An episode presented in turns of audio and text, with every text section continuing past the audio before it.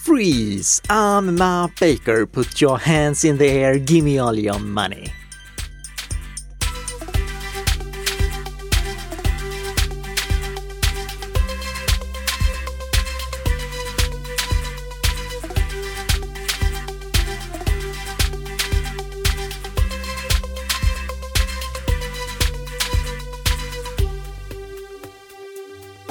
Ja, god morgon, god morgon och välkomna tillbaka. Inte till Bonnie M's klassiker Ma Baker, utan till Bli säker-podden med Nicka och Tess i ett samarbete mellan Nicka Systems och Bredband2. Eh, eh, Tess, Ja. är Ma Baker din favoritlåt med Bonnie M? Eh, nej, Nej, men det är din eller? den eller Daddy Cool? Ja, Ja. Daddy Cool är mer eh, Ja, vi, vi, cool. vi pratade ju Wu-Tang i förra avsnittet. Det är Ja. Bonnie M det här. Vi missade förra veckan. Ja, det var lite krassligt här. Ja, en, en infektion. Inte av datorer då, utan av mig. Ja, Jag, jag beklagar alla lyssnare att ni var utan oss förra fredagen eh, och hoppas på att kunna gottgöra det den här fredagen då vi har väldigt mycket att gå igenom eftersom vi missat en vecka. ja. Så låt oss köra igång direkt. Jajamän, nu, det har ju hänt en hel del då Mm. sen eh, sist. Eh, och vi börjar med att säga att iOS 12, det uppdateras fortfarande. Ja, det var en glädjande nyhet. Vi var ju oroliga för att eh, gamla mobiltelefoner, eh, iPhone 6 och tidigare, skulle gå ur tiden nu i samband med släppet av iOS 13 i och med att de mobilerna inte fick iOS 13. Men Apple har släppt en säkerhetsuppdatering till iOS 12 också, vilket kanske indikerar att de kommer fortsätta underhålla iOS 12 ett tag framöver, vilket i så fall är väldigt imponerande eftersom de då underhåller mobiler som är sex år gamla. Vi kommer att eh, hålla koll på det här och vi meddelar så fort vi upptäcker att iOS 12 inte längre får en nödvändig säkerhetsuppdatering. Ja, vi går vidare. OneDrive Personal Vault. Det har lanserats. Ja. Använder du OneDrive för att spara dina filer? Nej, Du, nej, du, just det, du, du använder eh, Google Drive. jag använder Google Drive. Ja. Precis. Men OneDrive är Google Drives eh, stora konkurrent tillsammans med Dropbox och, och några andra. Och de har nu släppt en funktion som heter Personal Vault. Och den, eller personligt valv heter den på svenska, den var redan före sommaren tillgänglig i utvalda länder, men nu har den rullat ut globalt och är även tillgänglig i Sverige. Och i det här personliga valvet så kan du som eh, gratisanvändare spara upp till tre filer som du vill skydda extra väl. Om du är prenumerant på Office 365 så får du spara hur många filer du vill i det här valvet eh, inom liksom lagringsutrymmesgränserna som du har. Så har du en terabyte kan du lagra en terabyte där i. Och det här kan ju låta som en god idé. Och jag, Ja. t- när, jag liksom såg det först i, i, början av sommaren, då tänkte jag, oh, det här, jättesmart att Microsoft har släppt det. Vad har fått dig att ändra dig då? Att det inte fyller någon funktion alls. Oj då, okej. vill du, vill du utveckla detta? Det, man kan säga som så här, det fyller en funktion för de som inte redan har goda säkerhetsvanor. Det gör det. Men för de som har goda säkerhetsvanor så fyller det ingen funktion. För Microsoft poängterar bland annat att eh, det här personliga valvet, det skyddas med tvåstegsverifiering. Men du ska ju skydda allt med tvåstegsverifiering. Du ska göra tvåstegsverifiering på all din molnlagring. Ja, Så det, det, det, det, det det är inget som sticker ut där liksom. nej, precis. Nej. Eh, De poängterar att, eh, eh, att det här personliga valvet låser sig automatiskt efter 20 minuter. Men du ska ju låsa din dator så fort du lämnar den oavsett vad. Det, det spelar ingen roll att, eller det, det fyller liten funktion att det här krypterade eller eh, personliga valvet låser sig självt efter 20 minuter. Du 20 ska, minuter är ganska lång tid också. jag tror du kan ställa in det om du vill Ja. det. Men eh, det, det, det är liksom det, är inte det som ska låsa sig. Det är din Nej. dator, mobiltelefon och surfplatta som ska låsa sig. Och så poängterar de att eh, det eh, personliga valvet lagrar BitLocker krypterat på din dator. Men du ska ju kryptera hela din dator. Ja. Så det, det fyller en funktion för de som inte redan är säkerhetsmedvetna. Och jag skulle vilja säga att det är det som, det, det, det som det möjligtvis åstadkommer är att folk börjar bry sig lite mer om sin säkerhet. Men om jag hade velat använda den här funktionen, då hade jag ju velat att den skulle ha stöd för det som kallas end-to-end kryptering. Att inte Microsoft själva kan komma åt filerna som jag lagrar i mitt personliga valv. Ja. Men det är inte end-to-end kryptering. Nej. Så jag tycker att den här idén, den faller lite pladask. Mm. Microsoft säger att det, det, du ska lagra extra känsliga filer där, till exempel din, en bild av ditt pass. Men om jag vill lagra filer någonstans som är så känsliga att jag inte kan tänka mig att lagra dem i en publik molntjänst, då måste jag lagra dem i ett end-to-end krypterat arkiv. Så Mm. jag har till exempel inte min, min bild av mitt pass. Jag har med mig en bild av mitt pass vart än jag åker. Eh, framförallt efter att jag varit i Kina. Så då, tänkte jag det är bra att ha med en bild av sitt pass oavsett var- vart jag går. Eh, men det lagrar jag i LastPass istället. För LastPass låter mig lagra upp till en gigabyte eh, filer. Inte en terabyte utan en gigabyte. Jag sa inte fel där. Så det, det är väldigt lite utrymme du har. Men om det bara är för sådana här superkänsliga filer så är det tillräckligt. Samma sak gäller eh, konkurrenten eh, OnePassword. Där kan du också lagra en gigabyte med filer som du vill ha i ett sånt här end-to-end krypterat arkiv. Okej. Det, tanken är inte att du ska lagra alla dina filer där, för det är inte en bra molntjänst. Det går inte att dela filer kors och tvärs och sånt. Så det är bara för de här superkänsliga filerna. Ehm, men man kan ju då säga egentligen att OneDrive, eh, den här personal vault-grejen är bra om du inte redan är så pass säkerhetsmedveten. Precis. Alltså det är ju bättre än ingenting. det, den är bra för de som inte bryr sig om den. Ja, okej. ja. Summerat där. Mm. Ja. Eh, är det dags att gå vidare? Ja. Ja, och nu har det ju varit eh, Nickas favoritdag. Mm. Patch-tisdag. Jag kan säga att den här patch-tisdagen var faktiskt inte så farlig. Nej, okej. Det, det, det var eh, 59 sårbarheter som Microsoft åtgärdade. Mm. Och eh, ingen av de sårbarheterna användes i samband med patchningen i aktiva attacker. Det var ju bra. Ja, de, de kommer börja användas i attacken nu när de har blivit eh, kända tack vare uppdatering eller på grund av uppdateringen. Ja. Så det är fortfarande viktigt att du uppdaterar din dator snarast möjligt. Det är, se till att uppdatera din dator och installera de här eh, uppdateringarna som har släppts. Men för omväxlings skull så är det inte superpanik. Så och om du gör det idag när du lyssnar på den här podden istället för att du gjorde det eh, i eh, onsdags när de var tillgängliga i Sverige så eh, är det helt okej. Mm.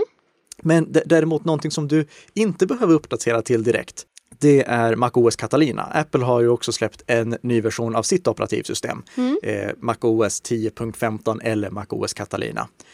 Och, Varför ska man inte uppdatera den? Eh, du, du kan uppdatera till det, men Mm. det har lite små buggar. Okej. Så jag- hade eh, rekommenderat att du väntar i kanske en vecka tills Apple har hunnit putsa till liksom de, de första ja, barnproblemen som finns i ett nytt operativsystem. Mm. Och det, det kan finnas en anledning till. Nya MacOS Catalina skiljer sig från alla tidigare versioner av MacOS på den punkten att MacOS Catalina inte stöder 32-bitars appar. Och Vi- vad är det? Ja, det, jag tänkte inte vi skulle gå igenom det i den här podden. Nej. för, för det, det är egentligen inte säkerhetsrelaterat i sig. Men jag, jag kan säga som så här, gamla, gamla applikationer Mm. är 32-bitars applikationer. Alla stora, alltså välkända applikationer har idag uppgraderats till moderna 64-bitars applikationer. Okej. Och de, 60, de, de som heter 64-bitars applikationer, de fortsätter att fungera i MacOS Catalina. Mm. Men de här gamla, gamla 32-bitars applikationerna, de fungerar inte längre. Och det finns fortfarande utvecklare som inte har uppgraderat sina applikationer. Jag skulle säga att det är ett bra tecken på att du ska sluta använda de applikationerna, för de verkar inte få speciellt mycket kärlek från sin utvecklare. Nej. Men eh, om du förlitar dig på någon gammal applikation, då kan det vara värt att vänta med att uppdatera bara för att se ifall de nu får lite eld i baken och faktiskt släpper en 64-bitars applikation. Jag vet till exempel att de som gör min bildskärmskalibrator, de har sagt oh, vi, vi är inte helt färdiga, vi är inte helt färdiga än. Eh, vi, kommer vara färdiga den 15 oktober, så vänta till dess. Mm. det, det, ska tilläggas att de har vetat i flera år att det här kommer. Så ja. att, att de blir tagna på sängen så här i sista stund, det är för mig obegripligt. Men hur som helst, det, vänta lite med att uppgradera till MacOS eh, Catalina. Och det, det, är inga säkerhetsrisker som uppstår av att du väntar med det, för Apple underhåller de tre senaste versionerna av MacOS. Mm. Så du kan fortsätta köra eh, det som tidigare var den senaste versionen, den som heter Mojave, eller till och med den som hette High Sierra. Mm. De, de underhålls fortfarande med säkerhetsuppdateringar. Okay. Så de går fortfarande att köra. Men jag har ju en gammal dator va? Från 2012. Ja. Eh, kan jag uppdatera min till den senaste? 2012 är faktiskt brytpunkten för när eh, eh MacOS Catalina har stöd.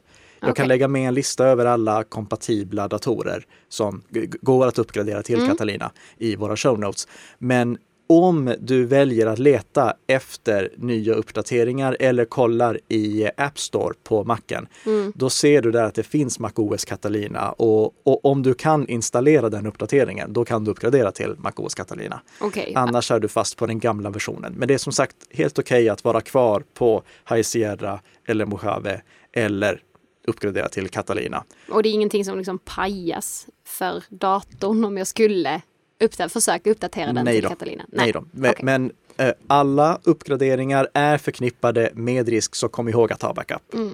Och om du eh, nu är kvar på gamla MacOS Sierra, att du inte har kunnat uppdatera från Sierra, då är det däremot, det, det gäller inte din dator från Nej. 2012, men om den är ännu äldre än så, för dig, mm. dig som lyssnar, eh, då är det däremot dags att pensionera den och byta ut den.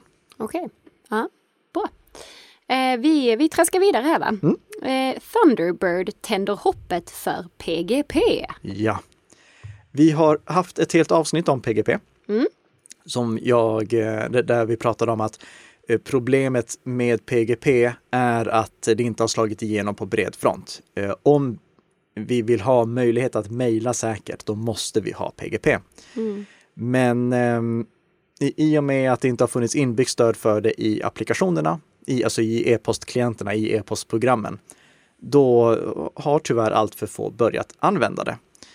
Lyckligtvis så har Mozilla som ligger bakom e-postprogrammet Thunderbird beslutat sig för att från och med nästa år ha PGP-stöd inbyggt från början.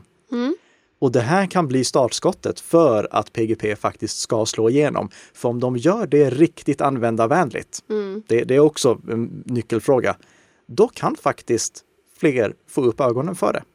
Ja, är Thunderbird så pass eh, Thunderbird är en stor. förhållandevis populär e-postklient. Ja. Faktiskt. Mm. Det, jag använder den inte själv, men jag vet många som gör det. Okay. Bland annat Pontus Falk som jag intervjuade i det här avsnittet om PGP. Mm. Och där kan jag också flika in att eh, Pontus Falk och eh, IX eh, Stockholm, de eh, har ett event nu den 14 oktober där de eh, hjälper alla som vill komma igång med PGP att eh, eh, ja, komma igång med det. Mm. Och vi lägger med en länk både till avsnittet om PGP och till eh, det här eventet den 14 oktober. Ja, och vet du vad som händer nu Nika? Mm, nej. Jo, men nu är det dags att gå vidare. Ja, jo det är det. Ja, nu är det dags att prata om veckans eh, huvudämne. Ja. Och vi ska ju, förra veckan pratade vi om eh, tredje generationens skadeprogram. Mm. Och vi ska fortsätta på det. Japp. Vi, vi, har ju haft det, det här kan man säga fjärde avsnittet i serien som vi kör om olika skadeprogram. Mm. Och Först så pratade vi om de här skadeprogrammen som eh, inte var farliga utan bara påkalla uppmärksamhet. Mm. Sen pratade vi om de som var farliga. Sen pratade vi om de som tjänar pengar fast de inte märks. Och nu är det då de som tjänar pengar och märks väldigt tydligt. Ja. Vi eh, kan vi... backa tillbaka först och främst till 2012. Mm. För då spreds en trojan som kallades polistrojanen. Det låter farligt det här. Mm. Jag tror att några av er minns den. Eh, om man blev infekterad av polistrojanen, då förstördes inga filer eller någonting sånt. Men man fick upp det här meddelandet. Din IP-adress är, och så IP-adressen. Med denna IP-adress var besökta webbplatser som innehåller pornografi, barnpornografi, tidelag och våld mot barn. Videofiler som innehåller pornografi, våld mot barn och inslag av barnpornografi har installerats på dator. Dessutom skickades e-postmeddelanden i form av spam som innehåller terrorist, motiv från din e-post, adress. Datorn har blockerats för att stoppa din olagliga verksamhet.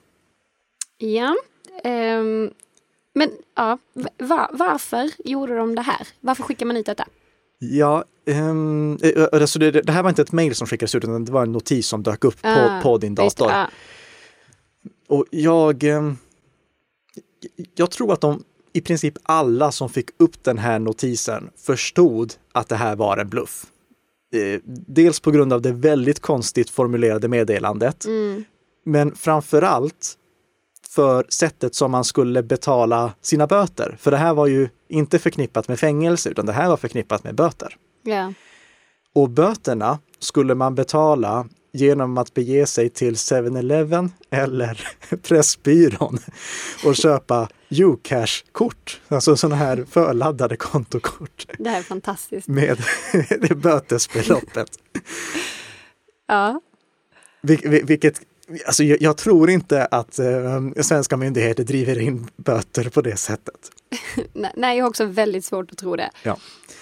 Den här polistrojanen, den var översatt till massvis av olika språk. Mm. Och de som låg bakom den, de uppdaterade den här trojanen med budskap som var anpassade för landet. Så i, i Sverige så var det då 7-Eleven och Pressbyrån som var ställena där man skulle köpa de här kontokorten för att betala böterna. Mm -hmm. Medan det i andra länder var andra ställen. Så de hade gjort lite research var, var det gick att köpa sådana här eh, Ucash-kort. Uh. Och de bytte ut också eh, logotypen så att i, i Sverige så i Sverige gjorde de i och för sig ett misstag. I, I, Sverige så satte de Rikspolisstyrelsens logotyp istället för polisens. Eh, så det, det, var ett bevis på att de inte var svenskar. Det, om det hade varit en svensk som låg bakom hade de troligtvis inte använt Rikspolisstyrelsen istället för polisens logotyp om de inte ville verka som att de inte var svenskar. Mm. Mm. Mm. Ja. Eh, men hur, hur som helst, jag tror att väldigt få gick på det här. Men jag tror ändå att det var några som betalade. Men varför, om, om det är så liksom att de inte liksom stänger dina filer, att du inte får åtkomst till dem, liksom, var, mm. varför ska man gå och betala detta? För att du vill bli av med det här meddelandet. Det mm. där meddelandet är väldigt pinsamt att visa för sin partner eller för eh, en medarbetare eller om man ska köra en föreläsning och så dyker det upp på skärmen. Då, då ska man liksom stå där för publiken och förklara det här, det, här ja, nej det, det, här är en bluff. Det, alltså det, det här är inte på riktigt. nej, nej, nej, det, här har jag ingenting att göra med. Inte men, men kunde man få bort det då? Jo, det kunde du också. Okay. men eh, det, det lättaste sättet eh, för den eh, icke-invide var ju att betala. Och jag vet att varenda gång som det handlar om några pinsamheter mm. så tenderar folk att gärna vilja lösa det själv utan att söka hjälp. Ja. Eh, vilket vi till exempel har sett med de här porrutpressningsmejlen som vi har pratat om tidigare också. Ja, precis. Eh, men jag tror inte att de som låg bakom polistrojanen tjänade jättemycket pengar på det här. Lägg märke till att jag säger tror, för mm. jag, jag, har inga siffror på det. Eh, men nu går det att tjäna pengar på sånt här. Mm -hmm. För det finns en sak som har varit helt avgörande för utpressningstrojaner som har skett sedan 2012. Och vad är det? Möjligheten att ta betalt med kryptovalutor, mm. som till exempel bitcoin. Yeah. Nu har bedragarna möjlighet att på ett förhållandevis automatiserat sätt ta betalt. Och det första riktigt stora exemplet som vi fick se på det här, det var WannaCry. Ooh. Och det var en utpressningstrojan som namnet, eh, precis som namnet antyder, fick den drabbade att vilja gråta. Och detta var 2017 va? Ja. Mm. Om man blev infekterad av WannaCry, då dök det upp en notis på datorn som sa Oops! Dina filer har krypterats. Och så en liten instruktion till vad, vad, vad det är som har hänt och hur man skulle betala motsvarande 300 dollar för att få tillbaka sina filer. Om man inte gjorde det inom en viss tid, då höjdes eh, beloppet som krävdes för att man skulle få tillbaka dem. Och om man inte betalade inom ytterligare en tidsangivelse, då fick man aldrig tillbaka sina filer. Mm, den, är, den är tråkig. Den är väldigt tråkig att drabbas av. Och här kan jag tänka mig att de som låg bakom tjänade mycket pengar. Jag skulle, innan vi fortsätter här, bara vilja återkoppla lite till du minns lyssnarfrågan vi hade om huruvida polisen eh, eller myndigheter kan avlyssna signal. Ja. Där berättade jag ju att det enda sättet som de skulle kunna göra det är att infektera enheterna. Just det. Mm. Och att det var en ganska dum idé, tror jag också. Jag vet inte om jag klippte bort det, men om jag klippte bort det så sa jag i alla fall i det avsnittet också att det är en dum idé att låta myndigheter samla på sig sårbarheter i operativsystem för att kunna infektera enheter. Och nu antar jag att du har ett litet, inte bevis på detta, men Jo, det har jag. jo, det, vi är kan ett säga bevis. Ja. Ja. WannaCry lyckades infektera datorer tack vare ett säkerhetshål i Windows som eh, kallas eh, Eternal Blue. Mhm. Eternal Blue upptäcktes ursprungligen av amerikanska NSA. Men de rapporterade inte det till Microsoft Okej, för att man ville kunna utnyttja sårbarheten. för att de ville kunna utnyttja sårbarheten själva. Aha, För de ville kunna infektera datorer via den. okej. Men om någon har upptäckt en sån här sårbarhet så är det bara en tidsfråga innan någon annan upptäcker den också. Mm. Eh, nu, visserligen, WannaCry, om jag inte missminner mig, så började inte WannaCry spridas förrän Microsoft själva hade upptäckt det och patchat det här säkerhetshålet. Mhm. Men du vet att varje patch-tisdag så sitter jag här och tjatar om att upp, installera uppdateringarna omgående. Ja, Och det är för att folk inte installerar uppdateringarna omgående. Ja, det, åh vad tråkigt. Ja. Ja, Ytterligare en anledning till varför du ska installera Windows-uppdateringarna direkt. ja, verkligen. Men det, det här var bara startskottet kan vi väl säga. Det, det, det hade funnits utpressningstrojaner som tog betalt med kryptovalutor tidigare, men jag ser WannaCry som startskottet. Sen så eh, flödade det bara på. Fler och fler utpressningstrojaner som använde kryptovalutor för att ta betalt. Och de spreds på alla möjliga olika sätt.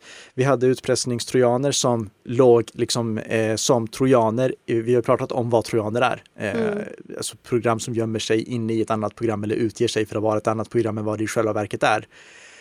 Och de utpressningstrojanerna, det råkade folk ladda ner och installera på sina datorer. Andra utpressningstrojaner spreds som maskar, likt då till exempel WannaCry.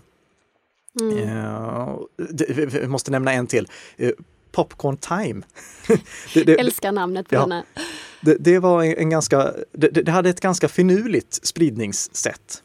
Det, det, Popcorn Time var en utpressningstrojan som infekterade din dator och så kunde du välja mellan att antingen betala lösensumman, vad brukar det ligga på bara för att... eh, det, det har varierat jättemycket. Okej. Eh, Ah. och, och det ser vi också att i, idag när vi har riktade utpressningstrojaner, när utpressningstrojaner skrivs specifikt för att slå ut en organisation eller en kommun eller någonting Mm. sånt, eh, då är böterna, eller böterna, lösensumman mycket, Ja. mycket högre. Ja, Då handlar det liksom om flera miljoner, inte bara om några hundra dollar. Nej. Eh, förlåt, flera miljoner svenska kronor, inte bara några hundra US-dollar så att vi inte blandar ihop eh, valutorna.